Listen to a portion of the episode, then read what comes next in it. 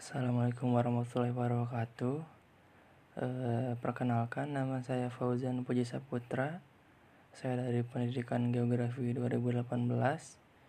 Di sini saya akan membawakan materi mengenai konsep wilayah dan tata ruang yang cukup sub pokok pembahasannya merujuk pada metode perwilayahan.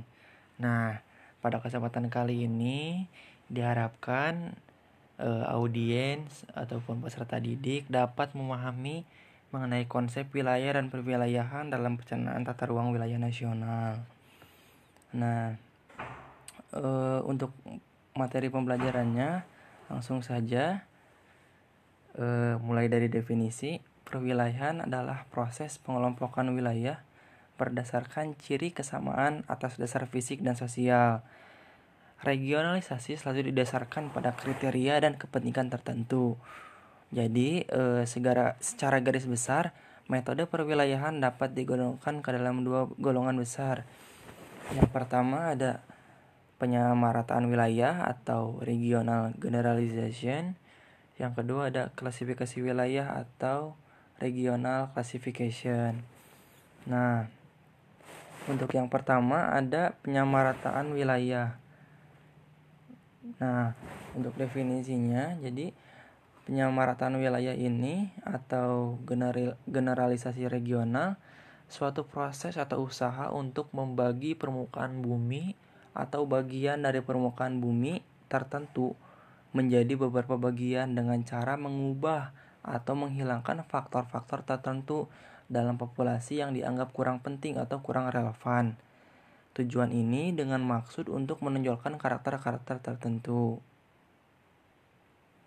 Walaupun pengertiannya, walaupun pengertian penyamarataan itu sendiri memberi kesan yang bersifat kualitatif, namun dalam pelaksanaannya dapat pula dikerjakan secara kualitatif seperti itu. Nah, untuk yang kedua ada klasifikasi wilayah. Nah, untuk klasifikasi wilayah ini ini itu merupakan e, usaha untuk mengadakan penggolongan wilayah secara sistematis ke dalam bagian-bagian tertentu berdasarkan properti tertentu. Penggolongan yang dimaksud itu haruslah memperhatikan keseragaman sifat dan semua individu. Semua individu dalam populasi mendapatkan tempat dalam golongan masing-masing. Nah, untuk tujuannya, tujuan utama dari klasifikasi adalah untuk tidak menonjolkan sifat-sifat tertentu dari sejumlah individu, melainkan mencari diferensiasi atau perbedaan di antara golongan. Cara klasifikasi dapat dikerjakan dengan sifat kualitatif maupun kuantitatif. Klasifikasi juga dapat bertujuan untuk mengetahui diferensiasi jenis dan diferensiasi tingkat. Nah, berikut saya akan uh, menggolongkan gitu klasifikasi wilayah yang telah saya paparkan.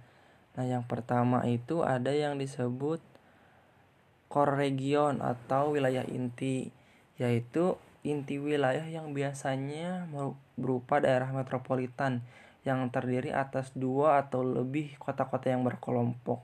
Contohnya kota Jakarta gitu ya. Nah, selanjutnya ada develop, development X yang kedua gitu ya yaitu poros pembangunan. Ini merupakan daerah yang menghubungkan dua atau lebih core region, biasanya berupa jalur memanjang di koridor transportasi. Sebagai contoh, jalur transportasi yang menghubungkan kota Yogyakarta, Solo, dan Semarang. Seperti itu. Nah, untuk yang ketiga, ada resource dan eh, resource frontier region, yaitu suatu wilayah baru yang mulai berkembang dan nantinya akan menjadi daerah yang produktif.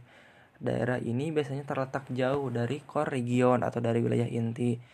Sebagai contoh, eh, daerah transmigrasi, kawasan industri, daerah perkebunan, dan lain sebagainya. Untuk yang keempat, selanjutnya ada depressed region atau daerah tertekan, yaitu suatu daerah yang mana mengalami penurunan tingkat ekonominya dan daerahnya sulit untuk berkembang. Daerah ini biasanya tertekan secara sosial dan ekonomi, sehingga cenderung menjadi daerah yang tertinggal dibandingkan dengan daerah lainnya. Untuk yang kelima, yang terakhir dalam pembagian klasifikasi wilayah yaitu spesial problem region yaitu suatu daerah yang terletak pada lokasi yang khusus dengan karakteristik tertentu. Contohnya daerah perbatasan, daerah cagar purbakala, perumahan militer dan lain sebagainya. Nah, pada pada klasifikasi wilayah ini ada dua metode yang secara garis besar memang sering digunakan pada e, penggunaannya gitu. Yang pertama ada metode interval yaitu pembagian wilayah menjadi beberapa wilayah digunakan dasar kelas interval.